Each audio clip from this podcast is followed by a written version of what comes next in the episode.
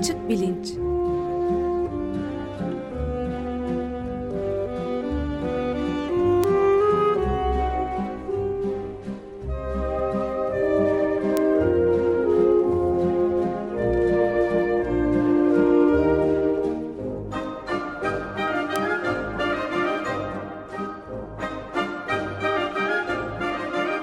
Güven Güzeldere ile bilim ve felsefe sohbetleri.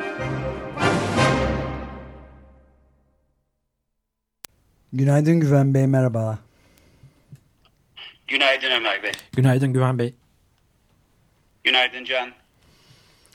Evet, bu gene bir bugün bir e, birkaç programlık, en az iki programlık bir dizi gibi bir şey yapacağız galiba. Bu robotlarla ilgili algılama kapasitesi üzerine konuşurken bu son Go maçlarından da biraz bahsedeceğiz öyle değil mi?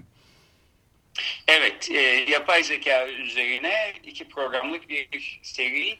E, ilk programında e, yapay zekanın e, dama ve satranç e, oyunları konusundaki ilk e, çalışmalarından bahsedeceğiz. Çünkü yakınlarda e, Mart ayı içinde e, önemli bir gelişme oldu. Dünyanın en iyi Go oyuncularından bir tanesini bir yapay zeka programı alt etti.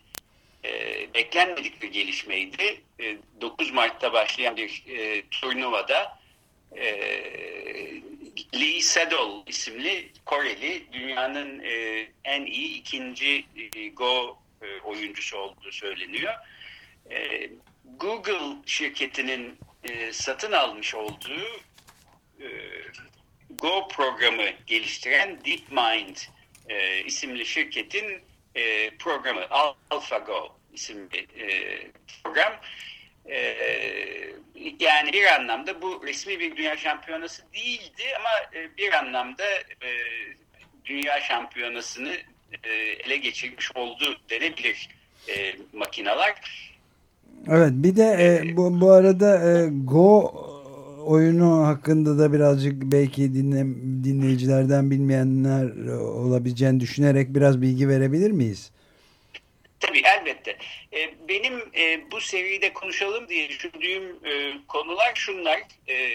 Niye önemli? Go nasıl bir oyun ve bir Go şampiyonu alt edecek bir programın ortaya çıkması için 2016 senesine kadar e, çalışılması e, e, satranç şampiyonunu alt edecek bir bilgisayar programının 1997'de ortaya çıkmış olması e, düşünülürse e, or, bir 20 sene daha neredeyse geçmesi gerekmiş.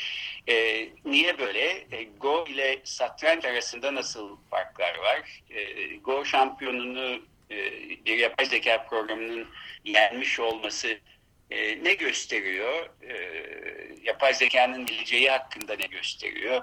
Bir de bu programların algoritmaları yani programların nasıl ilerleyeceğinin tarifi ne şekilde yapılandırılıyor? nasıl çalışıyor bu algoritmalar? bunlara bakalım diye düşündüm. Bu iki programlık e, serinin ikincisinde e, daha önce de konuğumuz olmuş olan Boğaziçi Üniversitesi Bilgisayar Bilimi, e, Bilgisayar Mühendisliği e, öğretim üyesi Profesör Doktor Cem Say konuğumuz olacak. E, belki e, e, bu AlphaGo'nun e, teknik de detaylarını, algoritmanın nasıl çalıştığını, programların nasıl bir iç işleyişe sahip olduğunu e, e, Cem Hoca ile bir parça daha detaylı olarak e, konuşuruz. Ben bugün bir e, genel giriş yapmak istiyorum ve e, yapay zekanın satrançla epey e, uzun bir e, tarihçesi var. Epey uzun bir birlikteliği. Biraz ondan da bahsetmek istiyorum. Evet. Go bir e, uza, uzak doğu oyunu değil mi? E, satranç gibi. Ee, yani bazı açılardan benziyor. Bir strateji oyunu. Ee, evet, Go bir uzak doğu, doğu oyunu. 2500 yıllık en aşağı bir e, geçmişi olduğu ve Çin'den e, Çin'de doğmuş olan bir oyun olduğu düşünülüyor. E, şimdi satrancı hepimiz iyi kötü biliyoruz. E, 8'e 8 64 karelik bir e, tahta üstünde oynanıyor. E, ve iki tarafında e, 16'şar e, parçası var. E, işte bunlar birbirinden farklı. Kimisi e, piyon, e, kimisi at, kimisi kale. E, Go'da e, çeşitli boy tahtalar var. E, fakat e, en ustaların oynadığı full tahta boyu 19'a 19'luk. E, siyah ve beyaz taşlarla oynanıyor ve taşların birbirinden bir farkı yok. E, dolayısıyla e, taşlar değişik fonksiyonlara sahip değil. E, Go e, kuşatma anlamına geliyormuş. E, ve e, en çok uzak doğuda oynanan bir oyun. E, Çin'in yanı sıra e, Kore'de, Japonya'da. E, genellikle bu oyunun şampiyonları da oralardan çıkıyor. E, satranca göre çok daha e, derinlikli bir e, e, düşünme ve arama e, gerektiren e, bir oyun. E, niye olduğunu, nasıl olduğunu ve bilgisayarlar için niye satranca göre çok daha zor e, e, olduğunu Go'nun e, gelecek programda konuşuruz. E, ben e, fakat e, belki şundan bahsedeyim 1979'da e, yayınlanmış e, bir roman vardı. Belki siz de okumuşsunuzdur. E, Shibumi. Shibumi evet okumuştum. E, Rodney Williams Whitaker diye e, Trevanyan ismini kullanan, takma ismini kullanan bir e, yazarın e, 1970'lerde geçen bir e, roman ve e, Shibumi Japonca'da e, basit, e, daha doğrusu yalın ve incelikli bir estetik e, anlamına geliyor ve e, Go oyunu da e, işte bazı e, şekillerde bakarsanız böyle bir estetiğe sahip. E, bu romanın baş kahramanı Nikolay Hell e, diye bir e, adam e, Go oyununu bana e, tanıtan kitap e, budur Shibumi. E, kitabı da bana tanıtan arkadaşım Mehmet Ayin Ülkücü. Kendisine de buradan teşekkür edeyim. 1980'li yılların başında okuyup Go'ya o zaman e, bir parça merak sarmıştık. E, şimdi e, Go gibi bir oyunu bilgisayarda oynatmak istiyorsak, böyle bir program yazmak istiyorsak ne yapacağız? Satrançta ne yapacağız? Biraz bunlara e, kısaca değinelim. E, bir şekilde insan e, da e, belli bir strateji gerektiren e, oyunlar ta eskilerden beri yapay zeka ve yapay zeka türü e, çalışmaların merkezinde olmuş. E, aslında e, yapay zekanın en e, ünlü karakterlerinden bir tanesi e, satranç oynadığı iddia edilen e, bir 18. yüzyıldan e, kalma bir robot ve bu robotun adı belki e, görmüş ya da duymuşsunuzdur Türk. Evet. E, e, bir e, Wolfgang von Kempelen isimli zengin bir baron e, e, büyük bir otomat inşa ediyor 1769 e, senesinde. Bu otomat böyle bir insan boyunda e, ve bir e, masanın e, e, başında oturuyor. Önünde bir satranç tahtası var e, ve satranç oynuyor. E, tamamıyla mekanik bir e, e,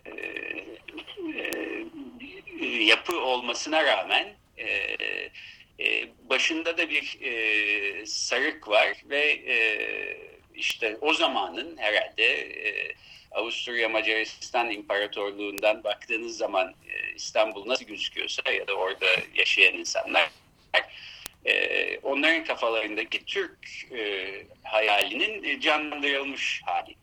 E, şimdi 1769'da e, bilgisayarlar icat edilmemiş vaziyette elektronik herhangi bir aygıt yok. E, algoritma ya da program e, yazılımı söz konusu değil. Dolayısıyla aslında satranç oynamayı becerecek bir robot e, yapmanın imkansız olduğu açık seçik e, görülebilir. Fakat bu robot e, bir şekilde karşısında oturan insanlarla e, satranç oynamayı beceriyor ve her seferinde e, bütün e, oynadığı maçlara kazanıyor. E, e, masanın alt tarafında büyükçe bir dolap e, gibi bir e, bir şey var. E, dolabın kapağını açıp e, Baron von Kempelen maçtan önce herkese orada yalnızca bu otomatın düzeninin olduğunu gösteriyor. Sahiden de bir saatin e, iç aksamı gibi e, e, e, mekanik bir düzenek e, orada söz konusu. İşte robotun kollarını hareket ettiren, başını hareket ettiren, e, taşların yerini değiştirmesini sağlayan e, bir kurgu var içeride. Başka bir şey de yok. E, Türk isimli bu robot Avrupa'da bir hayli geziyor. E, bir sürü e, satranç maçı kazanıyor. Ve en sonunda e, Amerika'ya e, seyahate karar veriyor e, Wolfgang von Kempelen ve Türk'le beraber bir gemiye binerek Atlantik'i geçiyor. Amerika'da da e, bir hayli satranç maçı yapıyor. Hatta bu e, Türk'ü e, seyreden insanlardan bazıları e, tanıdık kişiler. E, e Thomas Edison mesela bir tanesi. E, ampulü bulan, e, mucit ve bu işlere çok meraklı bir adam. E, inanamıyorlar böyle bir şeyin olabileceğine fakat e, bir yandan da bir hile de bulamıyorlar. E, sonunda e, Wolfgang von Kempelen Türk'ü çok zengin bir e, koleksiyoncuya satıyor ve e, dönüyor ülkesine. E, bir süre sonra da bir yangında e, yanarak bu e, robot yok oluyor. Dolayısıyla o zamanki e, e, otomat olan Türk artık e, günümüzde e, yok. Ama bir benzerini e, yeniden yapmış e, vaziyetteler e, Avrupa'da görmek mümkün. E, hikayenin sonuna geleyim. Aslında e, bu bir yapay zeka dahi yani bir yapay zeka e, başarısı değil yalnızca kurnazca yapılmış bir küçük e, belki sihirbazlık e, e, oyunu. Çünkü o düzeneklerin olduğu alt bölmede, masanın altındaki bölmede e,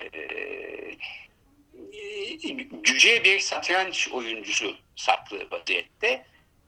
E, ama alt bölümün içine yerleştirilmiş olan e, aynalar öyle bir şekilde düzenlenmiş ki siz bu dolabın kapaklarını açtığınız zaman orada yalnızca düzenek varmış gibi görüyorsunuz. Ve orada saklanmış olan bu adamı görmüyorsunuz. E, saklanmış olan bu satranç oyuncusu, bu usta oyuncu yine bir takım aynalar vasıtasıyla masanın üstündeki satranç tahtasının pozisyonlarını görebiliyor ve bir takım e, manivelalar ile e, robotun kollarını oturduğu yerden hareket ettirebiliyor ve böylece e, satranç oynuyor.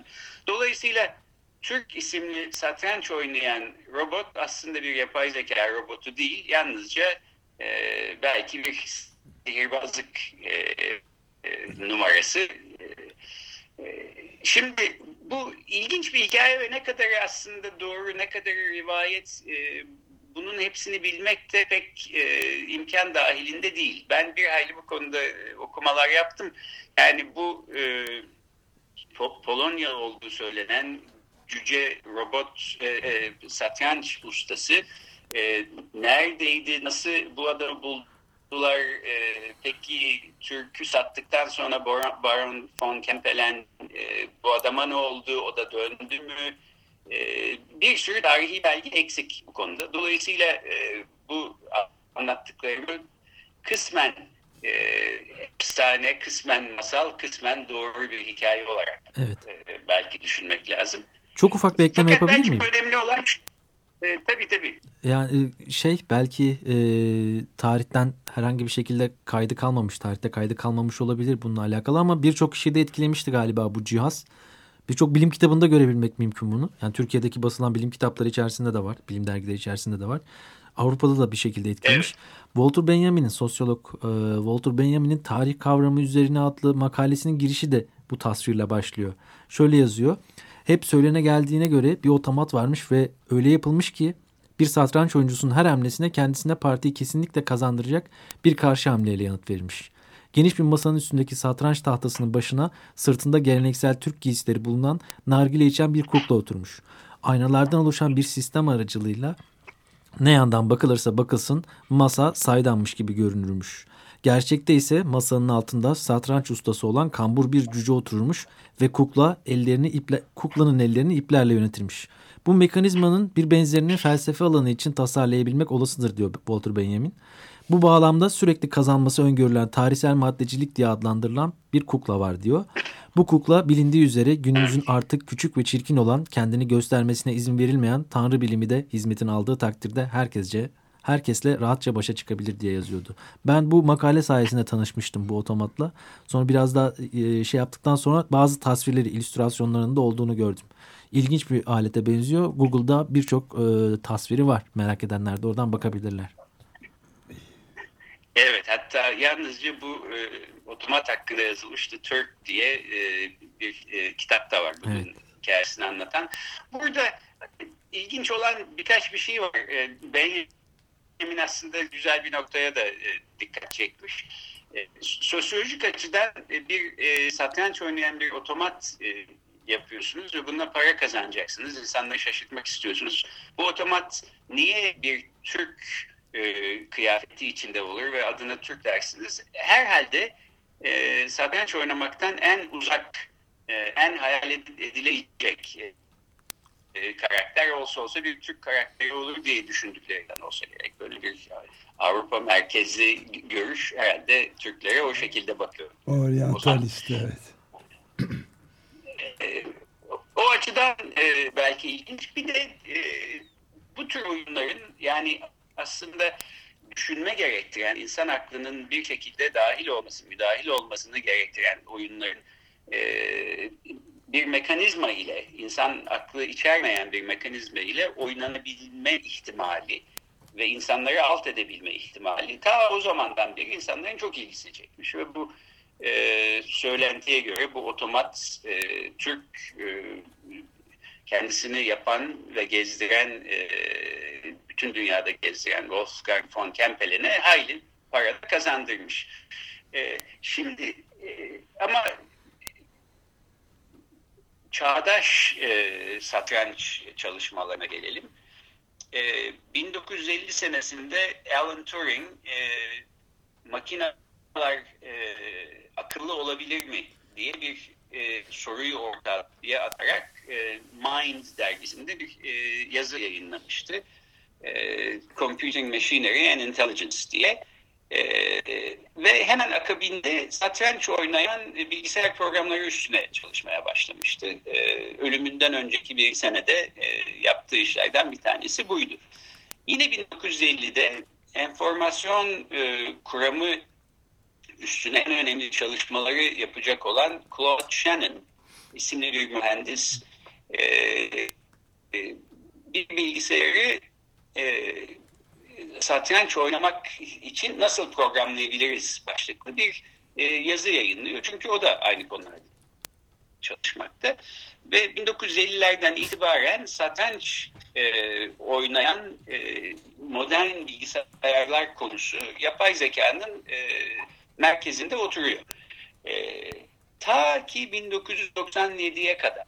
E, 1959'da mesela dama oynayan bir e, program e, dünya şampiyonunu alt ediyor, yeniyor. Dama şampiyonunu e, makinalara geçiyor. Fakat satranç e, e, ta bunun olması e, IBM'in Deep Blue isimli, Green Mavi isimli bir program geliştirmesine ve hayli bir para e, yatırmasına bu, bu projeye e, kadar beklemek durumunda. E, Gary Kasparov'u 1997 Mayıs ayında e, alt ediyor Deep Blue ve e, beklenmedik bir şekilde e, üç buçuğa iki buçukluk bir e, maç e, serisi sonucunda e, dünya şampiyonu insanların elinden gitmiş oluyor. Bu da gelecek hafta e, konuğumuz olacak Cem Tay Hoca'nın bence tarihe geçen sözleriyle e, 1997 itibariyle makineler insanlar sıfır haline getiriyor.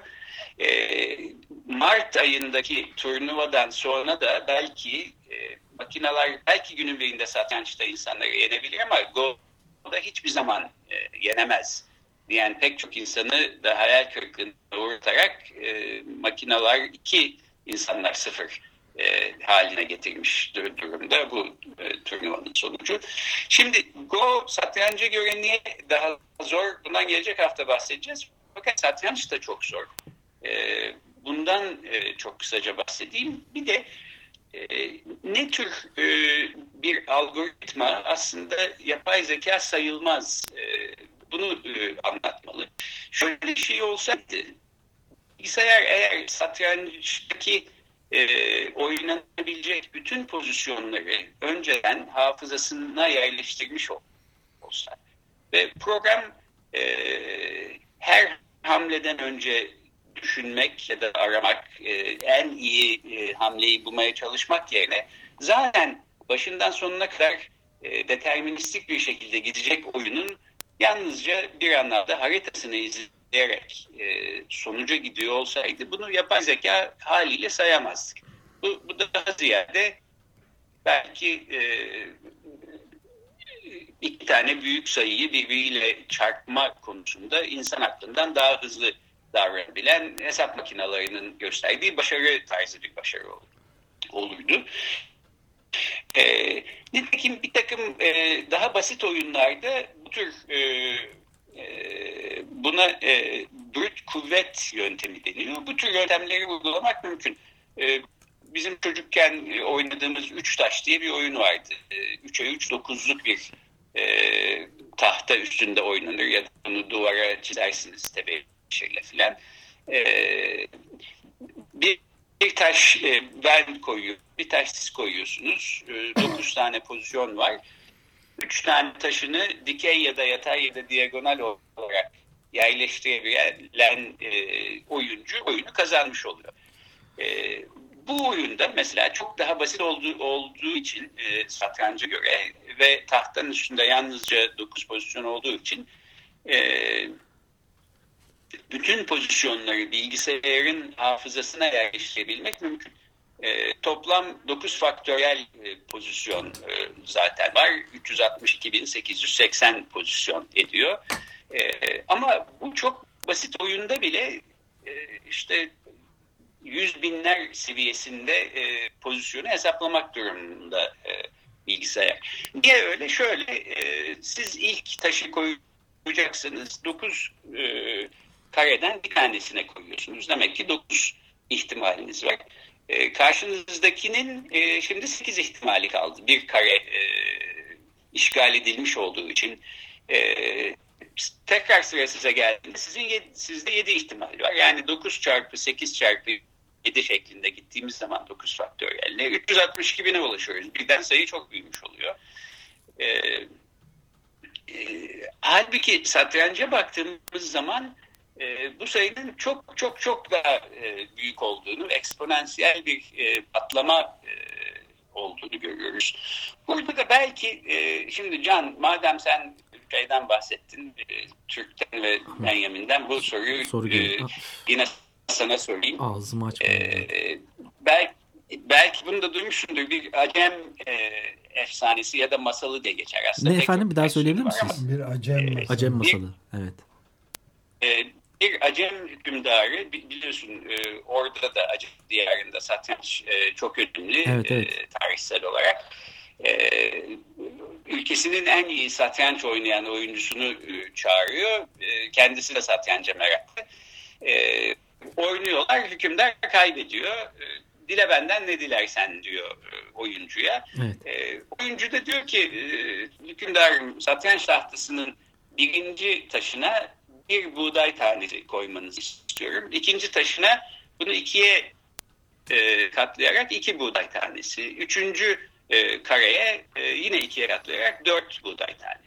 Evet. Derken sekiz, on altı. Bu şekilde matematik. E, buğday tanelerini bir araya koyduğunuz zaman bu kadar buğday istiyorum sizden. E, hükümdar da tamam istediğin olsun ne olacak işte diyor ve birkaç çuval buğdayla bu işi halledeceğini düşünüyor. E, şöyle de tabii bunu sorabilirdik. E, birinci kareye bir kuruş koysak, ikincisine iki kuruş koysak, üçüncüsüne dört kuruş, e, sonra sekiz kuruş. Toplam 64 kare var. 64 karenin sonuna geldiğimiz zaman e, ne kadar paramız olurdu? Bir 100 bin liramız olur muydu mesela? Yoksa 10 bin liramız mı olurdu? Ne olurdu? E, sen bu sorunun cevabını önceden biliyorduysan Yok e, efendim, söyle, maalesef. Bir tahminde bulun. Ee, bir rakam söyleseniz ben yukarı aşağı desem olmaz mı? Survivor'da öyle yapıyorlar. Peki 100 bin dedik mesela. 100 bin. Aşağı. Yanıldın. Yukarı mı? Ee, Trilyon. Öyle mi? Trilyon diyen var.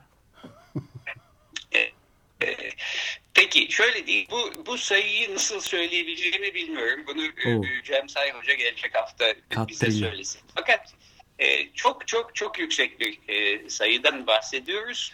E, hükümdarın hiçbir şekilde e, bütün buğday ambarlarındaki buğdayları bir araya toplasa bile e, ortaya çıkartamayacağı kadar e, yüksek bir sayıdan bahsediyoruz. Evet. E, yani aslında satranç ustası e, hükümdarı faka bastırmış. Evet. Hükümdar da bunun üstüne kızıp vurun bunun kellesini mi dedi e, hikayenin ondan sonrasını bilmiyoruz. Eğer- Yoksa e, akademisyen müsveddesi diye e, hakaret edip e, hapse mi attırdı bu satranç oyuncusunu? Yoksa e, ya şu buğdayları vereceğiz ama e, e, taksit yapsak olur mu falan mı Evet. dedi. Ne oldu orası belli. Eğer dediyse Ee, ve bir ceza verdiyse galiba o zaman Suudi Arabistan baş müftüsü Şeyh Abdülaziz El Şeyh haklı çıkıyor. Çünkü geçtiğimiz Ocak ayında yayınladığı fetvada, verdiği fetvada pardon, İslam dinine uygun olmadığını savunduğu satrancın zaman kaybı olduğunu, kumara teşvik ettiğini ve aynı zamanda oyun oynayanlar arasında düşmanlığa yol açtığını açıklamıştı. Ee, böyle bir durumdan ötürü de yasaklanmasını istemişti Suudi Arabistan baş müftüsü satranç oyununun. Haklı olabilir yani eğer kafasını kestirdiyse ya da buna benzer bir şey yaptıysa. Evet fakat bunlar batı icadı falan da diyemeyeceğiz. Çünkü satrancın aslında e, doğu coğrafyaları. Evet, İran, İ- İ- İran hatta galiba İran'da. Fars şey olduğu söyleniyor. evet. Evet. Peki şunu söyleyerek bitireyim. E, bu 1950'de e, bilgisayarlar nasıl satranç için programlanır e, makalesini yazan Claude Shannon bir satranç oyununda toplam e, yaklaşık olarak toplam kaç e, değişik tahta konfigürasyonu olabileceğinin hesabını da yapıyor ve bulduğu sayı 10 üzeri 123. Yani onun yanına 123 tane sıfır yazmamız lazım. E, bunu kuruş hesabından yaparsak dünyanın hiçbir e, ekonomisinin karşılayamayacağı bir bütçeyle karşılaşacağız demektir. Hatta bütün evrende var olan e, toplam atom sayısından da daha yüksek bir sayıymış 10 üzeri 123. Evet. Muhteşem. Ee, tek, tek olarak bu sayının adı nedir? Bunu dediğim gibi gelecek hafta Cem Hoca'ya soralım. Fakat şunu söylemeye çalışıyorum. Bütün e, olası konfigürasyonları bir bilgisayar hafızasında saklayıp önceden planlanmış deterministik bir şekilde satranç oynayacak bir program yazmanın imkanı ihtimali yok. Teknik olarak e, yok. Dolayısıyla bilgisayar programları Go oyununda da olduğu gibi e, heuristik algoritma denen özel bir tür algoritma kullanıyorlar. E, keşfe yarayıcı ya da öz araştırımsal diye geçiyor heuristik. E, yani bir şekilde insanların yaptığı gibi e, pek çok ihtimal arasından en iyilerini, en faydalı olanlarını bulmaya e, çalışıyorlar. Bu Evet. anlamda düşünmeye yakın bir e, süreçten geçtikleri söylenebilir. E, bunun detayını da e, detayını konuşmayı da belki gelecek haftaya bırakmış olalım. Evet ve haftaya da belki e, Mahjong üzerinde de konuşuruz. Ben Ma- Mao'ya meraklı biri olarak onun usta bir Mahjong oyuncusu olduğunu da öğrendim doktorunun kitabından. Ama biraz farklı oynuyormuş gelen e, bilgiler. Peki bu detayları Peki. o zaman e, sizden e, dinleyelim gelecek hafta. Peki çok teşekkür ederim. Görüşmek ederim. üzere Güven Bey. Görüşmek üzere. Peki görüşmek üzere. Hoşçakalın.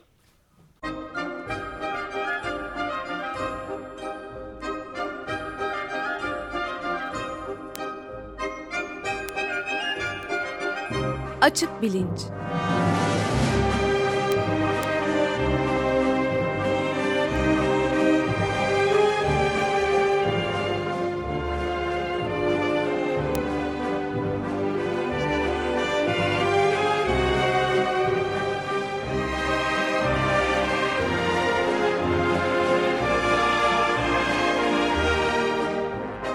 Güven Güzeldere ile bilim ve felsefe sohbetleri.